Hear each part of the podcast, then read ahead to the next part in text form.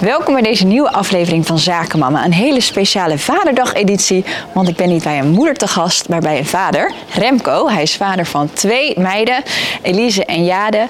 Ehm, en hij is markt- en communicatie-expert en heeft zijn eigen bedrijf Remco Presenteert, waarmee hij presentatietrainingen geeft.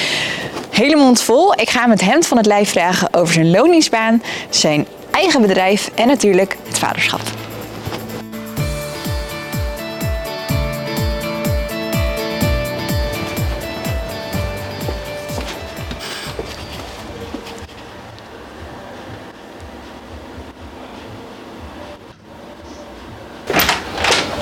Hey, Hallo. hallo Celine.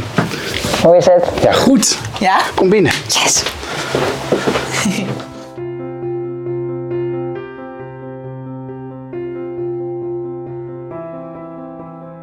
Leuk joh. Zo. Ja, gezellig. En lang geleden. Vorige keer dat we elkaar ga- zagen, gaven wij eh, samen een workshop. Een masterclass. Ja, dat zal wel toen zijn geweest. Ja, over?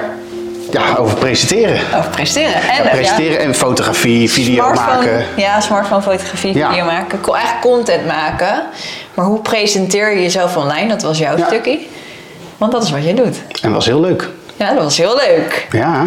Want vertel, jij bent, eh, ik heb jou wel een beetje geïntroduceerd hoor, maar uit jouw eigen woorden. Je bent eh, presentatiecoach? Of Nou, ik noem het zelf meer trainer. Trainer. Presentatietrainer. Ik help anderen inderdaad om ehm, ja, beter te worden in presenteren. Dus presentatievaardigheden. ehm, hoe maak je nou een goed verhaal? Nee, dat, eh, dat vind ik erg leuk en dat doe ik graag. Laten we, Ik heb laten we gewoon lekker gaan kletsen. Ja, zullen we eventjes eh, naar buiten gaan? Het is Ja, leuk. volgens mij nog wel lekker weer. Top. Ja, sowieso. Want je hebt, jullie zijn lekker aan het verbouwen geweest sinds ik hier vorige keer was. Ja, ja het ziet er allemaal eh, net even anders uit. Leuk om te zien. Lekker man. Ja, ik probeer zoveel mogelijk als het even kan. En ik werk thuis eh, hier even te gaan zitten.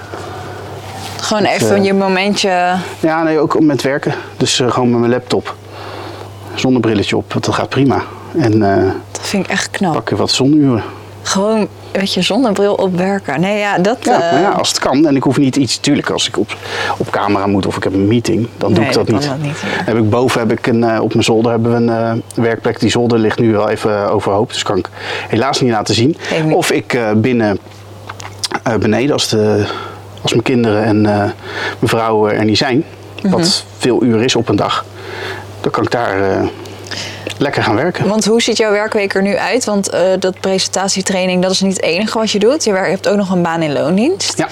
En je werkt als communicatie- en marketing specialist. Als zeg ik het, zeg ik het goed zo? Ja. Ja, adviseur social media en videocontent. Ja, precies. Ehm, doe ik bij Zatkin, een eh, mbo-school in eh, Rotterdam. Daar werk ik ehm drieënhalve dag. Mhm. En anderhalve dag voor mezelf voor Remco Presenteert. Dat is mijn eigen bedrijf. Ja. En dat was een halve dag Remco Presenteert. En sinds begin dit jaar eh, anderhalve dag. Dus ik ben iets minder daar gaan werken bij Zatkin. Ja. En Tof. ik moet zeggen dat eh, eh, bevalt heel goed. En hoe kom je nou überhaupt op het hele idee presenteren en dat, die trainingen geven? Hoe is dat idee ontstaan? Want ja, je hebt natuurlijk een, een marketing-communicatie achtergrond. Dus op zich communiceren, presenteren, dat ligt wel dicht bij elkaar. Maar wat is het moment geweest om Remco Presenteert te starten?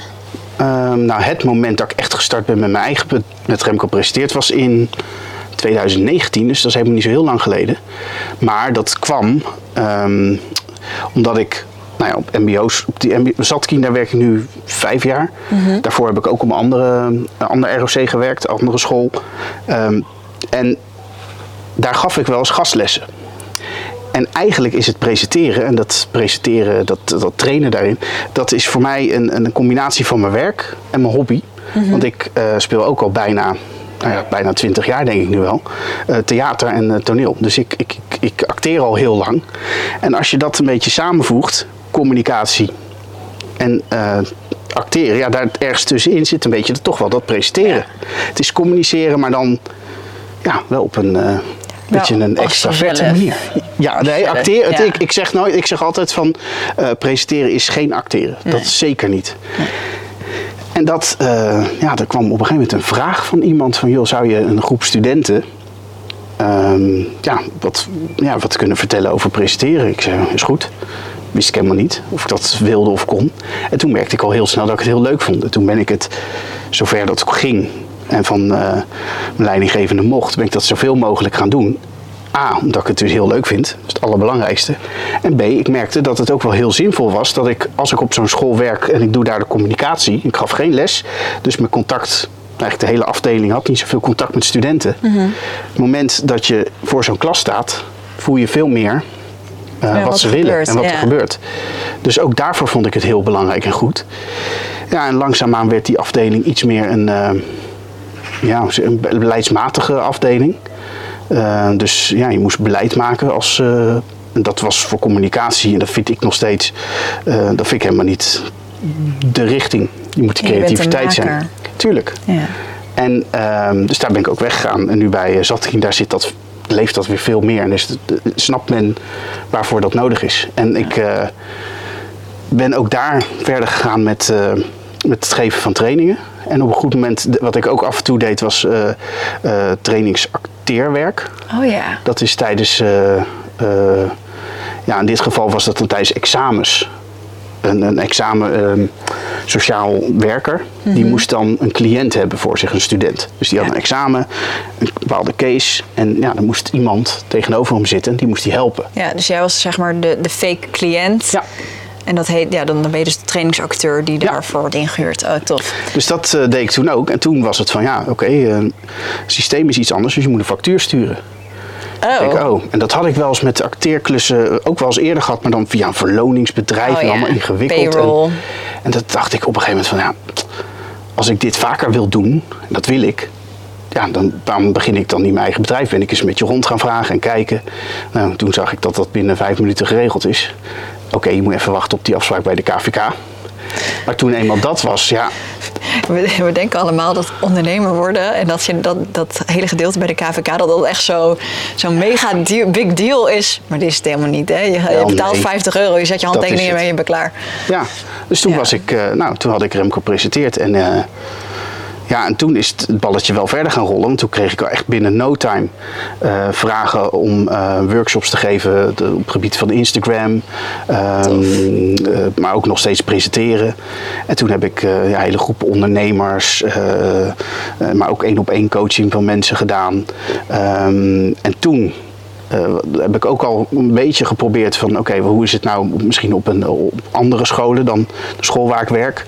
Uh, dus middelbare scholen, hogescholen en uh, basisscholen. Ja, want dat en, doe je nu. Ja, en dat vind ik, ja, dat vind ik echt heel leuk. Dat, daar merk ik aan van oké, okay, dat is het moment voor die kids om het Um, om het te leren. Want wat ik merkte bij middelbare scholieren, daar, ja, daar zit een hoofd knalt weg van de, van de hormonen. Mm -hmm. Die zijn daar helemaal niet toe in staat om dat echt goed uh, tot zich te nemen. En um, niet te veel te letten op wat de ander van ze vindt. Want dat is waar ze alleen maar mee bezig zijn. En dat hebben heel veel mensen als ze voor een groep staat. Oké, hoe kom ik over? Wat, wat doe ik? En oh, zie ik er niet gek uit? Oh, dan ga je stotteren, dan ga je schamen. En als je op de basisschool begint, is dat gewoon minder. En ja, ik zie ook het enthousiasme is er veel meer. En dus ik kwam er wel achter van ja, dat vind ik eigenlijk uh, misschien op dit moment gewoon nog wel het allerleukste. Om die basisscholieren door trainen. Die, door die onbevangenheid van die kids. Ja, onbevangen, maar ook um, ja, gewoon echt nog voor openstaan van oké, okay, ik, ik, moet dadelijk mijn uh, spreekbeurt houden of een boekbespreking. Ja, hier heb ik misschien wat aan. En dat zie je veel minder terug als ze wat ouder worden. Dus heb je het idee dat je op die basisschool dan meer impact kan maken bij de kids? Zeker. In die, in die leeftijd, ja. ja. Tof. Ja, dus dat uh, ben ik gaan doen. En uh, heb ik een heel... Uh, nou ja, met werkboeken en al heb ik gemaakt. Ik heb een heel lesprogramma. En ik heb zelfs nu al een paar keer gehad dat ik via de invalpool hier in de Haagse regio heb ik gewoon een hele dag een klas gehad. Vet. Was er geen docent, die was ziek. En dan kon ik invallen met Maar- een presentatie Hoe dag. werkt dat? Want je hebt toch helemaal geen lesbevoegdheid? Of heb je die gehaald? Nee, ik heb geen lesbevoegdheid. Nee, dat, dat, dat klopt. Ja. Dus dat, eh, dat is ook een, ja, dat is heel vreemd. Maar omdat je het als workshop kan aanbieden, en dat kan ik, en ik weet hoe ik dat moet doen, ehm, is, werkt dat wel zo inmiddels bij die invalpool. Ja, het is gewoon zo nijpend eh, dat tekort Ja. aan, eh, ehm, aan leraren. Dat ze hebben bedacht van nou, oké, misschien heeft iemand wel een, een, een workshop over eh, wereldzaken. Of een workshop eh, tekenen. En kan dat een dagdeel zijn of een hele dag? Nou, en ik heb gezegd van ik doe wel een hele dag presenteren. Dan ga ik allerlei spellen met ze doen. Dan ga ik met allerlei eh, oefeningen. En dat, ja, dat werkt hartstikke goed. Ja, een feestje voor de kids denk ik ook. Ik, nou, in ieder geval voor mij. Ja. Leuk man. Ja, Laten we het ook nog even hebben over jouw eigen kids. goed idee. Dus, Zullen we even naar binnen gaan? ja.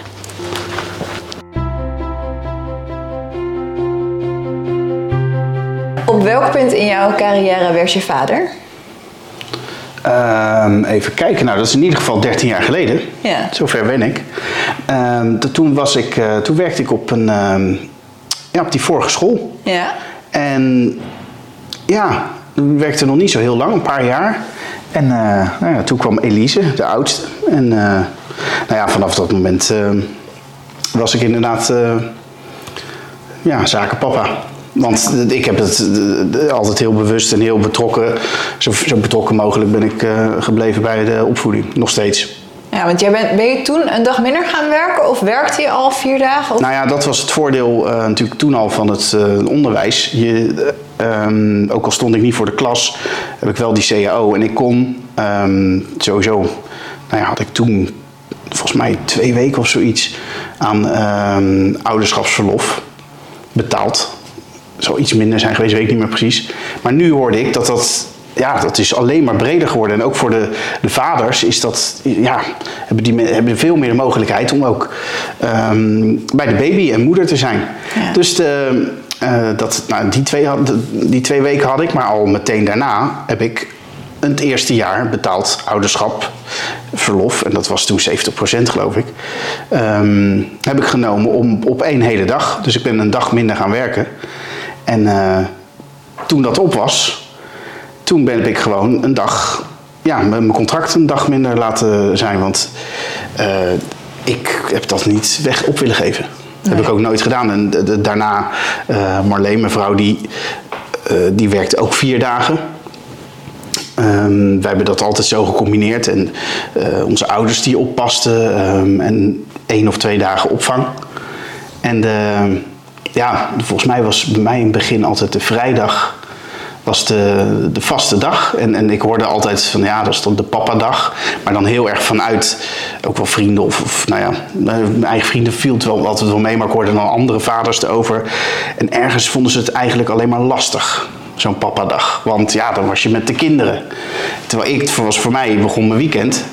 En dat was, ja, ik ging... eh, ik wist ook niet beter of ik ging, eh, ging naar Delft met de, met de buggy of de, de kinderwagen al. En ehm, ja, eh, ik ging zelfs in het begin, toen ze nog heel klein was, ging ik eh, kleren kopen.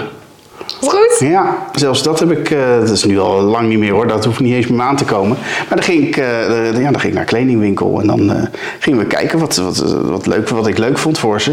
En, ehm, en dan moet ik wel zeggen, vrij snel daarna naar de Apple Store om wat gadgets en natuurlijk. En dan daarna nog ergens wat gaan drinken en eh, ergens een plek zoeken waar ze dan een flesje konden opwarmen. Daar was ik echt uren. Gewoon lekker de hoort op met de kids. Ja, en, eh, en eh, ook wat ook een hele goede was, abonnement op Blijdorp, dierentuin. Ja. Ja, hebben wij ook. Ja, dat. Ik, ik, ik heb dat altijd gedaan. En daardoor werkte ik. Ik was helemaal niet bezig dan met mijn werk. Nee, lekker. Ja. Hey, en die vrienden, of die vrienden van vrienden die het, die pappadag dan als, wat een stom woord is dat eigenlijk, hè, want het is natuurlijk altijd pappadag. Maar goed, laten we het in de volksmond, laten we dat gewoon even, even gebruiken voor nu, om het simpel te houden. Ehm, dat, die vonden die dag lastig, maar zat dat dan in dat ze het dan vermoeiend vonden? Want dat, het kan natuurlijk wel echt vermoeiend zijn. Ik bedoel, ik vind mijn werkdagen soms wel minder vermoeiend dan mijn dagen met, met kids. Oh, dat is tuurlijk. Eh, ken je jouw kinderen? Nee, helemaal niet, eh, schatten. Nee, maar eh, kijk, weet, weet je wat het eh, volgens mij veel meer is? Is de. en ik denk dat dat bij vaders iets meer leeft, het feit dat je niet kunt doen wat je zelf wil. Ja, dat je, En dat ja. is niet, niet per se, maar ik denk dat dat gewoon wat sterker is bij mannen. Want ze, ehm, ja, dat, daardoor, dat bedoelde ik met, het is dan lastig met die kinderen. Want ja, ofwel je gaat werken en dan wil je je werk kunnen doen. Of ehm, ja, je, je wilt misschien wat anders doen. Of je moet een lamp ophangen of je moet dit doen, noem maar op. En ehm, ik denk dat het veel meer daarin zit. En eh, het, het vermoeiende, dat ook. Maar dat zit hem denk ik ook in de, in de slapeloze nachten. Dat ehm, volgens mij, in ieder geval mijn vriendenkring, de, de meeste vaders ook gewoon. Eh, ik had dat trouwens ook eh, vaak. Mij, eh, Slapeloze nou, de slapeloze viel wel mee, maar dat ik degene was die er s'nachts uitging. Ja. En ehm, ik hoor tot nu toe geen eh, signalen van Marleen die daar zit. Ja, die zit mee te kijken. Ja, die zit mee te kijken en luisteren, ja. maar tot nu toe Gaat gaat, het goed? goed. Volgens mij vertel je nog de waarheid. Het klopt nog steeds, hè?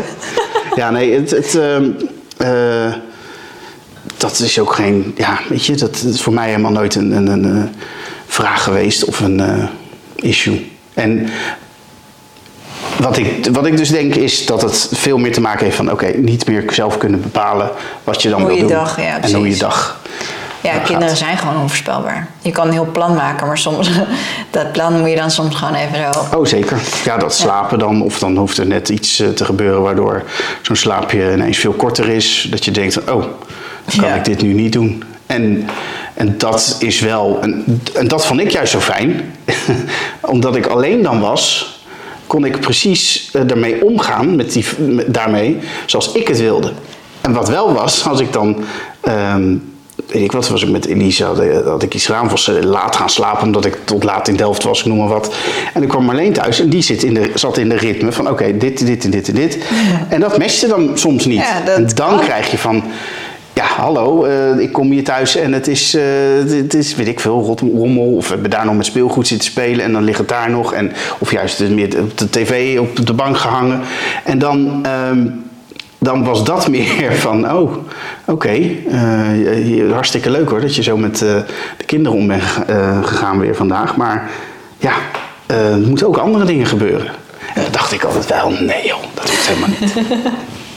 Heerlijk. Ja, je ging en gaat dus op zo'n dag daar gewoon lekker helemaal mee op. Maar ja, die, die meiden die zijn nu eh, veel ouder. Dus je- jouw papadag is inmiddels geen echte papadag Nee joh, ik heb, meer. nou, ik heb ster- sterker nog, ik heb geen eh, eh, dag meer met... eh, meer vrij, want ik eh, werk 3,5 Ja. om anderhalf. Dat is ook Dus zo. ik, ik, ik ben, nou, dat is. Volgens mij toen ik mijn nieuwe baan kreeg, toen werkte ik al 4,5 dag. Dus toen was Mhm. ik een halve dag eh, vrij. En dat was dan om, vanwege de woensdagmiddag. Oh, ja. Kon ik eh, toen nog Jade die vroeg vrij was, kon ik die gewoon thuis eh, hebben. Maar ehm, nee, het is nu ook niet meer nodig. Ik heb het wel daarna dus heel lang steeds gehad.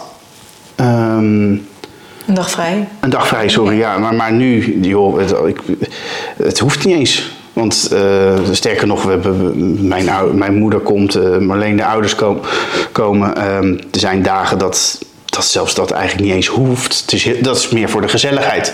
Want zij zijn 10 en 13. Ja, maar Nou ze zijn nu inmiddels ook thuis, maar voorzien ze ook niet, want ze zitten lekker boven. Nee, nee, die dachten, we gaan niet hier bij die camera's, wij, eh, wij lopen naar boven. Nee, en dat is wat natuurlijk met Elise, met, eh, met haar 13, ja, die ligt op de kamer.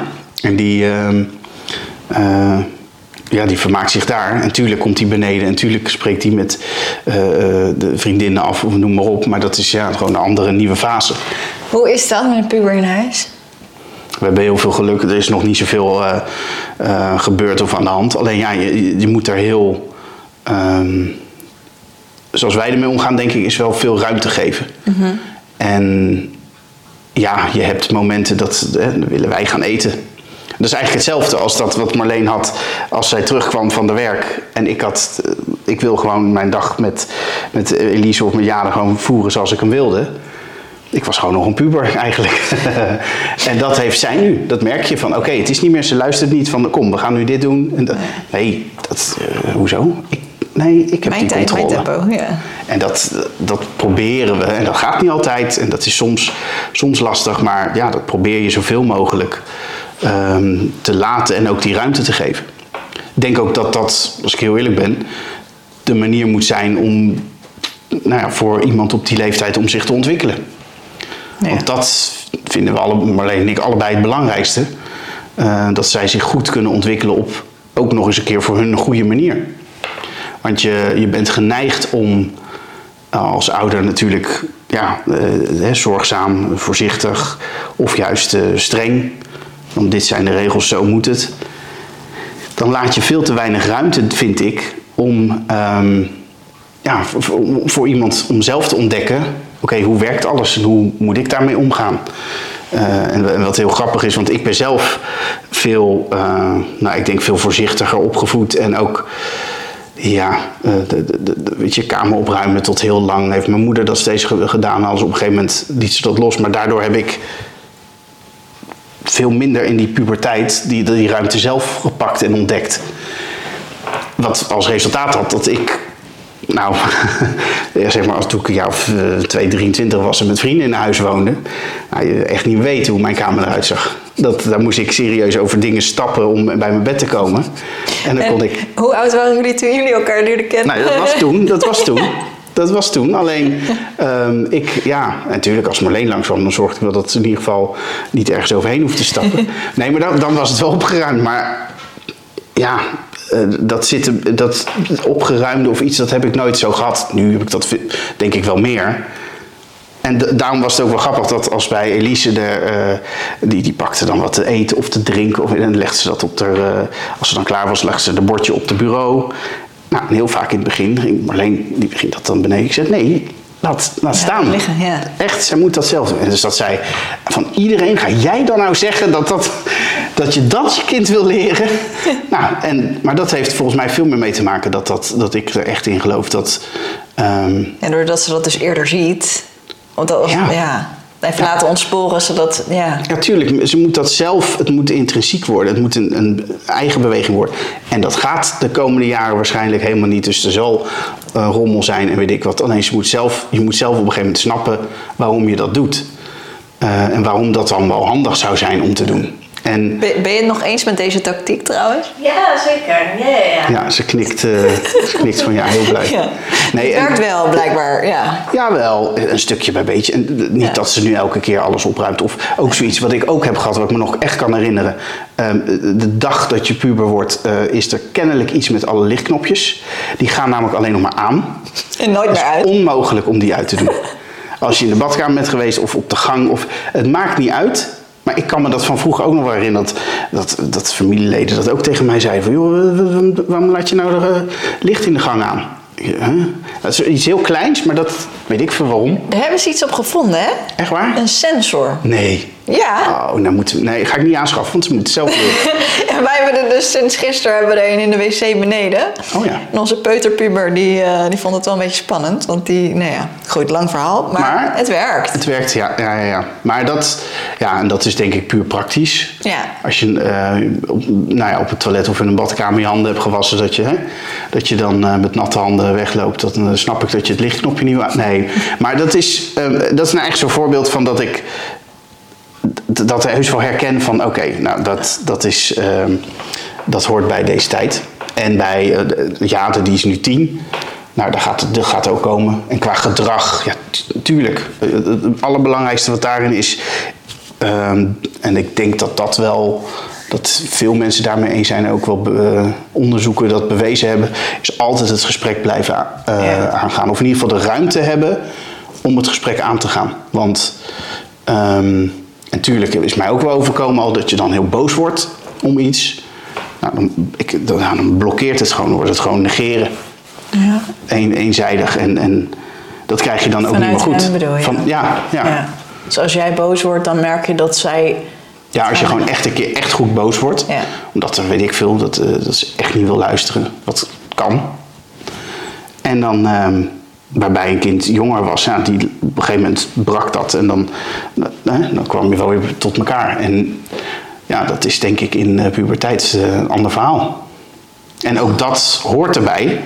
Want ja, ehm, hoe leer je om je eigen mening te vormen? Ja. Is gewoon heel standvastig vast blijven houden aan je eigen mening.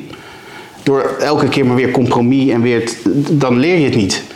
Hoe lastig dat dus ook ehm, soms als ouder is, geloof ik er nog steeds in. En ehm, ik had het, eh, wat, wat ik ook hilarisch vind, als je het daar toch over. eh, Nou ja, ik kan wel zeggen als je het daarover hebt, maar als ik het erover heb, want ik blijf er nog steeds het over hebben. Helemaal goed. Ehm, als je gaat kijken naar de eh, naar opleidingen en wat wil je laten worden, Ja. dat, ja, dat, wij, wij moeten dat in Nederland zo vroeg al een beetje gaan bepalen. Veel te vroeg als je mij vraagt. Veel te vroeg, vind ik ook. Dat terzijde. Ehm, alleen, wat je dan, wat, je, wat ik, dat zie ik ook op het MBO en dat zie ik ook bij eh, vriendinnen van Elise, dat, dat, dat- bij ouders, dan die willen gaan sturen van, oh, je gaat dit doen, want dan kun je dit en dit en dit. Of toen ik eh, vroeger jong was, toen deden, dan denk ik dat is een, er zit een tijd tussen van, weet ik het, 20, 25 jaar. Ik hoor moeder trouwens ook nog steeds wel zeggen: Oh, maar doe je, doe, eh, hebben ze in groep 7 dan eh, geen verkeersdiploma? nou, dat had Remco wel op zijn. Dan denk ik, ja, nogmaals, 30, 40 jaar. Bijna, eh, nou, geen 40, 20, 30 jaar zit ertussen. En als je dat elke keer maar als norm blijft houden, dan gaat dat ook ten koste van de ontwikkeling van je kind. Dus ehm, ook op het gebied van opleiding wil ik ook zo, hoe moeilijk dat ook is op die leeftijd. En ehm, ik zie dat ook dus echt in het MBO en mensen die van de MAVO naar het MBO gaan. Ja, het is gewoon zo moeilijk. Ik heb wel eens voorlichting gegeven aan allemaal ouders. Ehm, en toen sprak ik mijn vader en die zei van ja, ik vind het hartstikke goed. Hartstikke fijn. Mijn zoon is nou 15. Volgend jaar naar de laatste klas eh, MAVO. Moet daarna MBO gaan kiezen. Ja, weet je, nu moeten we het hebben over wat voor opleiding ga je doen. Wat u, en dan hebben we dat gesprek gehad. En dan draait hij zich om, gaat hij op de bank zitten en dan kijkt hij weer Nickelodeon. Weet je, het is dan nog zo erg kind eigen, dan is dat heel moeilijk om die twee werelden bij elkaar te brengen. En ze daarvoor ook ehm, klaarstomen, ja, dat, dat, dat vind ik ook belangrijk dat dat heel erg vanuit zichzelf moet komen. Dus ze moeten, natuurlijk gaan we ze helpen, faciliteren hoe ze daar komen. En- zeggen, hoe pak je dat dan aan? Wat is dan de strategie? Nou, zorgen dat ze weten dat er open dagen zijn, dat er eh, wat voor verschillende opleidingen. Kijk, dat is het voordeel voor mij, denk ik, en, en voor Marleen ook, die werkt ook in het onderwijs. Je, je weet hoe moet je voorlichting geven. Ja. Ik, eh, niet dat ik dan eh, in mijn voorlichtingsrol per se, per se ga staan, ik ben ook ouder. Maar ik wil wel met ze kijken, gewoon een eerlijk van oké, wat zou je er allemaal mee kunnen worden? Want je moet altijd vanaf die kant het benaderen, denk ik. Ja. Eerst gaan kijken, wat kun je ermee worden? Wat voor beroepen passen bij je? Wat zou je nou leuk vinden? Wat zeggen anderen ook van wat je goed zou kunnen of goed kunt? En ehm, ja, dat allemaal bij elkaar. En heel veel, dat gebeurt niet vaak. Heel vaak als ouders dan helpen. Ja, ja, ja, ik, eh, ik ben ehm, accountant. Dus accountant is echt wel wat voor jou. Of eh, ja, ja, ja, ja, mijn broer die is ook timmerman. Ik zie jou ook altijd. eh, ga maar even praten. En dan, dan is het heel smal. Terwijl je moet eigenlijk in de breedte. En ik bedoel, wat mijn kinderen ook willen worden. Als ze daar ehm, met name gelukkig mee zijn dat heb ik ook wel gemerkt. Ik heb in mijn eigen ehm, zakelijke leven, zomaar eh, gezegd, ook altijd gedacht. Ik ga, mijn opleidingskeuze is niet zo gegaan. Ik heb gewoon, kijken, mijn HBO heb ik eh, gekozen omdat ik. eh, ik heb de HEBO gedaan, de Europese beroepenopleiding. Dat is dan een eerste jaar, daar kon je kiezen, eh, dan kreeg je verschillende vakken: communicatiemanagement, business en bestuur en beleid. En die drie richtingen, daar moest je dan in het tweede of derde jaar één gaan kiezen. Dus ik dacht, oh mooi, snoep ik weer een extra jaar. Maar ik, ik, heb, ik, wist, ik had geen idee. Toen had ik economie gedaan. En ik dacht, nou, ik ga dan ook wel iets accountancy of iets met economie. En toen, eh, nou ja, toen zakte ik in, op mijn VWO eh, voor allebei de economie. Toen dacht ik, nou, misschien niet zo handig. Misschien wordt het geen economie. Nee. En toen had ik die, deze brede opleiding. En toen dacht ik, nou gaan we eens kijken. En toen kwam ik erachter dat ik eigenlijk dat communicatiemanagement veel leuker vond. Dus pas heel laat en totaal niet wel overwogen, ben ik zo toch een richting opgegaan die ik wel leuk vind. Ja, maar puur op gevoel.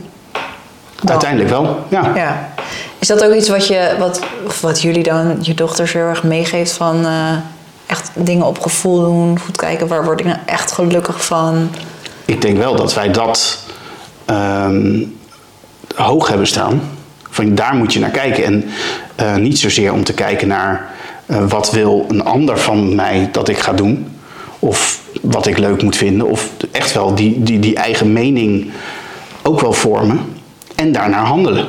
Ja. En dat zien we, ehm, ja, dat zien we ook nog steeds wel terug bij, eh, bij Elise heel erg. Leuk. Bij Jade ook trouwens, maar die is natuurlijk net iets jonger Ja. nog. Is er iets in het vaderschap wat je graag had willen weten voordat je vader werd? Nou, echt in het vaderschap niet per se. Vader van twee eh, dochters, dat had wel eh, sommige dingen handig geweest. In de zin Ehm, van? Nou, ik, ik bedoel, ehm, ik had niks lievers gewild hoor. Ik, ik, ik, was, ik had me geen raad geweten, en dat meen ik, met, met een zoon. Ik heb vrienden die, die dan eh, bij een eerste dochter het hadden over... ja, ik vind het wel jammer, want ik kan haar dan niet die dingen leren... die ik dan als vader aan een jongen wil leren. En, en ik, ah, oké, ik heb geen idee wat hij daarmee bedoelt. Ja, misschien in een boom klimmen of zo. Ik weet het niet, oprecht niet. dus ik was eh, bij, iedere keer bij die echo's Ja. we- dat we het hoorden. Ja, echt ehm, heel blij. En ehm, alleen, ik, ik kan me ook herinneren dat de, de omgangsvormen tussen meisjes... eh, die zijn anders dan dat ik als jongen kende. Want eh, de eerste keer dat ehm eh, Elise hier een vriendinnetje over de vloer had... weet ik veel, toen waren ze echt nog klein. Ik denk twee, nee, nee ik denk drie, vier, zoiets. Ja. En ehm, nou, ze zaten te spelen en de, de- de- best wel leuk, eh, dacht ik. En op een gegeven moment gaan ze toch een partij zitten bekvechten. Dat ik denk, ik, oh, oh nee, dan gaan we daar vechten. Wat krijgen we nu? Wat, eh, ik zei, oh jongens, jongens, oh, ja, eh, kom op. Ik probeerde te sussen. Nog geen halve minuut later was het, eh, ja. En dan ging het weer vrolijk verder. Dus Ja. ik dacht, ja, maar wat was dit er net dan? Maar dat heb ik toen geleerd. Dat is continu bij die meiden. Bij jongens is het, eh, dan wordt een auto wat hardhandiger misschien afgepakt. Ik heb dus twee jongens, dus ik weet, dit, dit weet ik dus totaal niet. Dit is nieuw voor mij. Ja, echt. Het is, was, en het was niet de hele tijd bekvechten alleen Ja. maar. Maar wel, het ging er wel ineens keihard en heel, mond, heel verbaal. Grappig. En bij jongens is het het autootje, nee, nee, dan gaan ze staan trekken en dan krijgt een een klap. En dan is het ook weer zo voorbij. Maar dat kende ik wel. Ja. Dus dat stukje, dat zou ik dan... ehm, als iemand me had gezegd van nee, maar dat, hè, dat zijn erbij. meisjes, dat hoort erbij. En daar heb ik wel even over, na- over moeten doen, omdat dat ik daar goed mee om kon gaan. Ja. Grappig. Ja, en ik, ja, ik weet niet, is het dan echt typisch mij? Ja, misschien wel. Ik, ja, ik ken het niet, maar ja, mijn jongens doen dat trekken we ook nog niet, maar dat, I don't know. ja, maar dat komt wel. Oh. En dat autootje tegen de, die andere uit zijn hoofd aan gooien ook. Ik ben benieuwd. We gaan het zien. Je werd vader. Is er op werkgebied iets veranderd toen je vader werd? Jij, behalve dan die papadag. Nee, nou ja, de... Niet echt. Nee, ik heb niet, niet gemerkt. Ja, het was voor mij gewoon een dag minder werken. En ik heb het ook dus, nou ja, wat we net al zeiden, ik heb nooit als een papa-dag gezien. Nee. Het was gewoon, een, mijn weekend begon een dag eerder. En ik heb ook En- wel momenten, weken gehad, kan ik me herinneren, dat ik op de woensdag vrij was. En dat brak ook heerlijk de week. Ja. Maar op de, op de werkvloer zelf heb ik er geen ehm, verschil in gemerkt. Nee, dus op de werkvloer. Want kijk, natuurlijk in je vrije tijd merk je dan wel verschil, maar op de werkvloer zelf Nee. niet.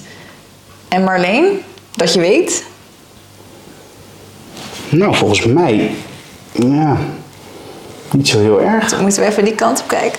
Ja, je bent niet Ik denk gezenderd. dat wij allebei ehm, heel erg een scheiding maken tussen werk en privé. Ja. En ik denk dat voor ons allebei geldt dat als we op ons werk zijn of met werk bezig zijn, dan heeft dat onze volledige focus. Ja. En ik persoonlijk heb dat ook. Als ik op mijn werk ben, dan ben ik helemaal niet met thuis bezig. Lekker. Dus ik, ik hou ook, ik, ik, eh, je moet mij ook niet gaan eh, appen of zo. Want, Nee. eh, nee, nu, nu met, hè, voor de klas staan kan ik daar sowieso natuurlijk niet makkelijk op antwoorden. Maar Ja. eh, ja, er moet wel echt iets, iets belangrijks zijn eh, thuis, wil ik wel eh, met thuis bezighouden. Maar ik denk dat dat het is, dat wij werk en privé wel echt gescheiden houden. En wij nemen werk ook niet echt mee naar huis. Nee. Nee. Wij praten eh, thuis, praten wij ook niet, eh, niet zoveel over ons werk. Lekker. Zal ik even samenvatten, ook voor de zekerheid voor de audio, het antwoord kort even zeggen? Ja, en ik weet ook niet of jij een beeld wil, ja of nee. Nou ja, dat weet ik eigenlijk ook niet. Ga er maar over nadenken. Eh, dus als jij nog een keer de vraag stelt, hoe, of hoe Ja, dat... dus voor jou op de werkvloer had je geen, merkte je eigenlijk geen verschil toen je vader werd? Natuurlijk in je privé, ja, tuurlijk, de hele wereld staat op de kop. Eh, hoe was dat bij, bij Marleen, bij je vrouw? Op de werkvloer? Viel volgens mij ook ehm, wel mee. Ja, wij nemen sowieso nooit al ons, ehm, ons werk mee naar huis. Of we houden dat best wel gescheiden. Dus, eh, privé en, eh, en werk. En dat, eh, ja, dat helpt daarin. Dus dat, nee, volgens mij viel dat ook mee. Nee, precies. En qua slapeloze nachten wellicht natuurlijk dat je vermoeider bent. En, Tuurlijk. ja. Maar ja, dat is ja, gelukkig voor mij nu om te zeggen van dat is al een stuk achter ons. Ja. Waardoor het dat niet eens meer zo, dat, je gaat dat vergeten. Ga je dat vergeten? Ja, je gaat dat zeker vergeten. Ja. En dan, dan ehm, ja, je, je gaat ook beter slapen, ja. Je wordt ook leuker mens, denk ik wel. Nee, nee, nee. nee. Nou, maar dat geloof ik serieus. Natuurlijk. Want dat, die, beginjaren die zijn echt wel Ja. pittig. Maar het wordt dus steeds makkelijker. Maar waarschijnlijk ook weer niet. Want je krijgt weer andere zorgen erbij. Jawel, je, ja, tuurlijk. Ik, eh, vorige week eh, een schoolfeest van, eh, nou ja, Elise. Dat, dat kon ook weer eens een keer na, na corona. Dus die ging naar, naar een schoolfeest. Nou, eindtijd afgesproken. En dat krijg je toch tien minuten van tevoren. Ja, ja, eh, kan toch nog langer eh, blijven. Ja, want iedereen blijft zo leuk. En toen denk ik, ja, oké, dit is de geëikte. Maar ja, natuurlijk zit daar dan wel meteen weer bij van... oké, dan wordt het laat en dan gaan we dan? Ik ga halen. En dat soort zorgen, dat, die komen dan nu wel. Maar dat zijn andere zorgen. En Ja. natuurlijk, dat gaat waarschijnlijk ook wel weer wat slapeloosheid opleveren... want je moet ze steeds later halen. Maar dat is niet meer dat van toen. Nee. Nee. En is dat anders met dochters dan met zoons? Oh, dat denk ik wel. Ik denk wel dat... ehm, ja, tuurlijk. Ja, als, als, als ik een zoon zou hebben gehad... dan had het denk ik veel makkelijker geweest om die eh, los te laten. Dat is misschien hoe ik ermee in... Maar dat hoor ik van, ja, ook van vrienden met zoons en dochters... die dat ook altijd wel zeggen, ja. Stom dat het zo is, maar het is wel zo. Tuurlijk, ja. Ja, Ja. Nog heel even terug naar die werkvloer. Jij hebt gelukkig, of jullie hebben allebei dan gelukkig niet echt een verschil ervaren. Ehm, ook niet op de momenten dat er bijvoorbeeld thuis iets was of zo, kon je dan altijd weg? Nou, ehm, gelukkig is dat niet zo heel vaak gebeurd. We hadden wel een moment natuurlijk als de een ziek is of, eh, of, of eh, opa of oma, eh, die, die, die, die zaten in de, de file en die konden niet op tijd zijn. Ja, dan, dan moet er wel eens Moet wat, dan, ja. ja. moet er iets gebeuren. En Marleen die staat pas eigenlijk sinds een paar jaar voor de klas. Ehm, want daar kan het nu niet bij. Zij, zij kan niet Nee. voor de klas gaan staan en nou, jongens, eventjes eh, weg. Nee. Nee. Als ik een training heb ergens Ja, of geef, dan kan dat ook niet. Ehm, gelukkig nou ja, gaat dat allemaal goed nu. Maar ik, ik heb wel één keer gehad dat Marleen op de werk was. Ik op mijn allereerste werkdag bij Zatkin s ochtends begon. En Elise die zat s ochtends een beetje, ja, was niet zo lekker. En ja hoor, drie kwartier later, ik ben bij mijn allereerste afspraak, word ik gebeld door school. Ja, ze, ze, ze wil ziek en ze, ze wil naar huis. Nou, dus ik dacht, oh, daar gaat mijn carrière. Nou, nou kan ik deze baan vergeten, want ik moet ik nu terug. En, en toen heb ik eigenlijk, vind ik, achteraf gezien stom gedaan. Door, toen heb ik mijn moeder gevraagd of die kon komen. Alleen, die, die, die was wat verder weg, dus die kon ook niet. Ehm, die, mijn moeder heeft het toen opgehaald, alleen dat duurde gewoon een stuk langer. En daar heb ik achteraf altijd spijt van gehad. Van ja, ik had, als mij zoiets zou gebeuren en ik zou in principe weg kunnen, ook al is het je eerste dag, ja, zou, ik dat, zou ik daar toch voor kiezen. En ehm, het scheelt dat, het in de, dat ik echt in die, nou ja, eh, ofwel zelfstandig werk of eh, in de communicatie waarbij je toch altijd wat flexibeler kunt Ja. zijn, ehm, dat gewoon gaan doen. Maar eh, ik, het was de aller, allereerste werkdag eh Ja. bij Zatkin, ja, ik kan me Kan nog herinneren. kan me dan wel voorstellen dat je daar wat gereserveerder in bent. En, en heel mooi wat je zegt, dat je daar eigenlijk altijd spijt van hebt gehad. Ja. Maar ergens hoeft dat natuurlijk ook weer niet, want je bent er verder wel echt altijd. Ja, natuurlijk, En, maar dat, en dat zeg ik niet om ja, nu even eh, te vleien op camera, want ik, maar ik, wij kennen elkaar al langer dan vandaag. En Marleen heeft het er straks ook ingefluisterd. Je bent er wel altijd. En jullie doen altijd alles als we samen als een team. Oh ja, nou ja, ik wil die betrokkenheid gewoon, eh, nou ja, niet tonen, hebben. Ja. Ik ben zo betrokken, dat doe ik ook weer. Dat is ook weer iets wat ik vanuit mezelf doe. Ja. En niet vanuit, ehm, dat is nou echt iets van, oh, want dat hoort.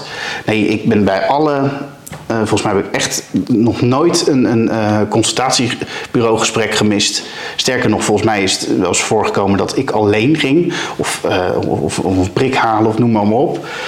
Ja. Dat is zo fijn, dat laat ik mijn man ook doen, want ik vind die prikken echt verschrikkelijk. Ja. Oh, ik kan dat niet. Ik zit gewoon te janken, dus dan vind ik het heel fijn als je los kan Ja, tuurlijk, tuurlijk. Maar ja. ik, uh, ja... Nee, dat is een stuk... Hetzelfde heb ik met de school. Ja. En ook heel betrokken altijd geweest, uh, wij allebei, bij de school.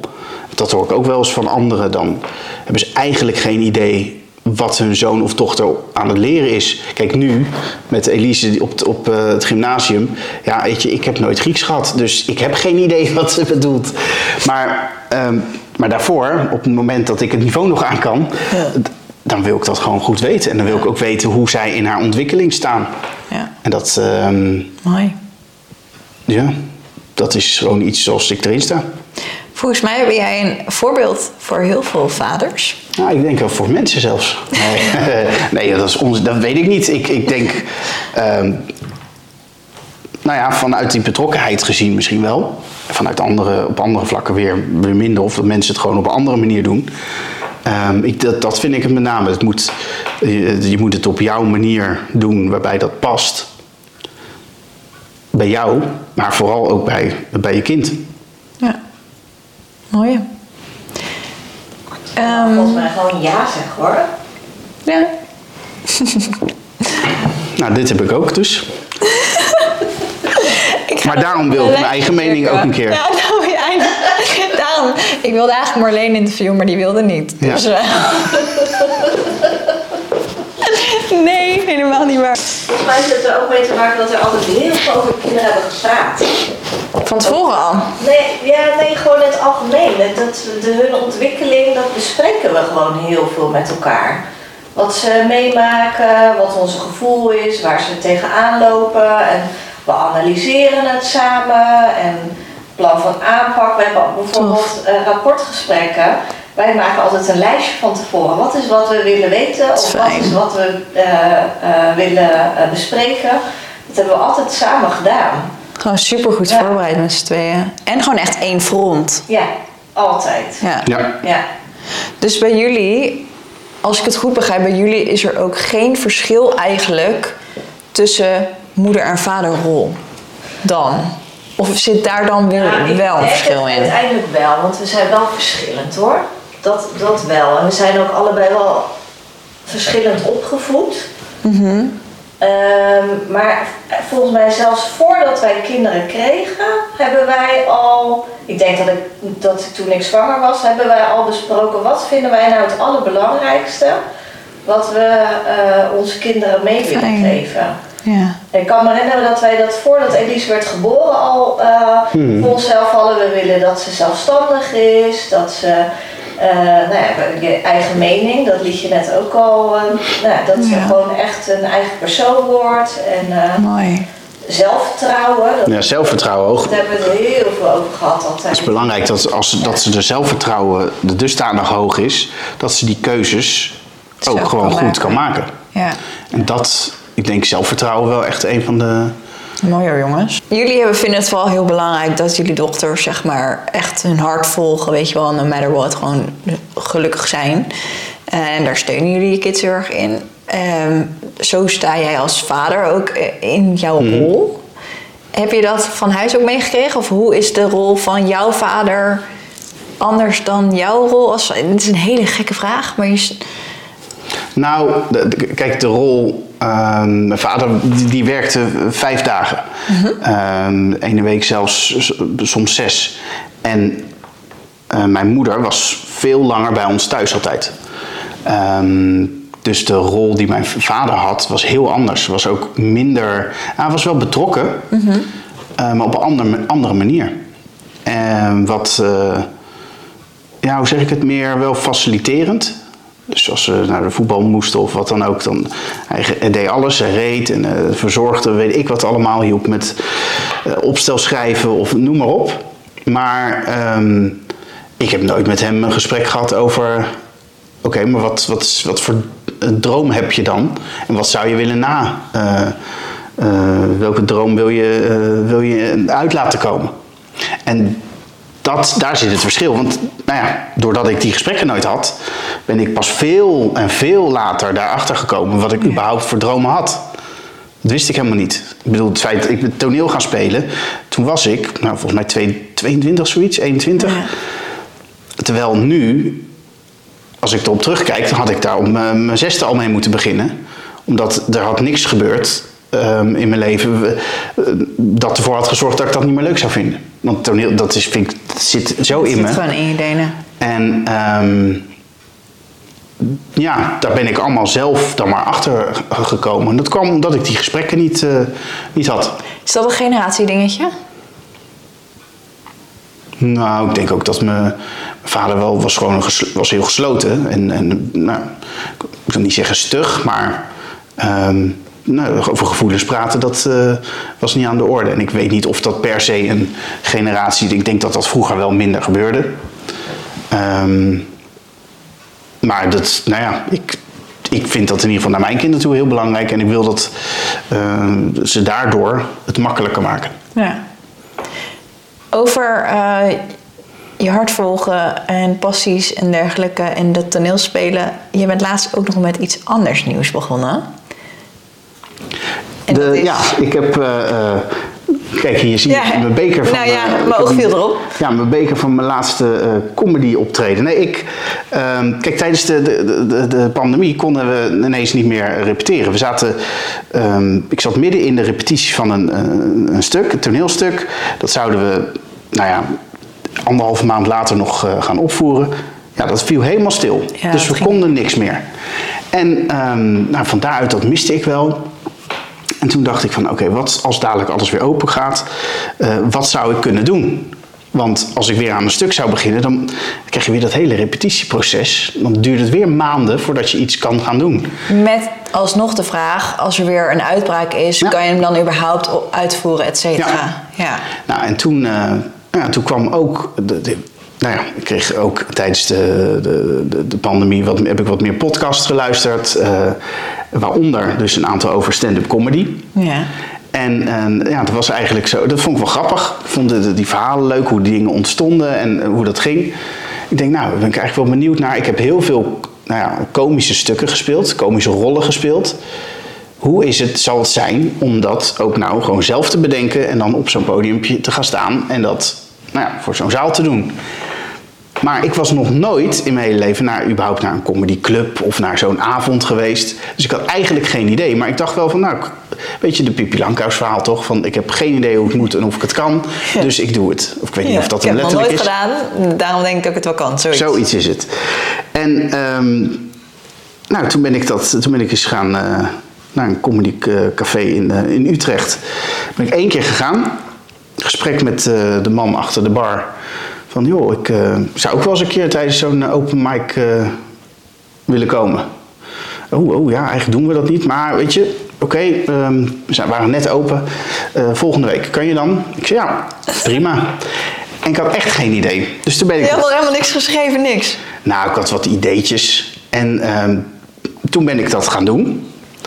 Ehm, puur omdat ik dacht van nou, ik, ik ga dat gewoon doen. En toen, tijdens die avond stond ik nou ja, een beetje achteraan op de, op de lijst.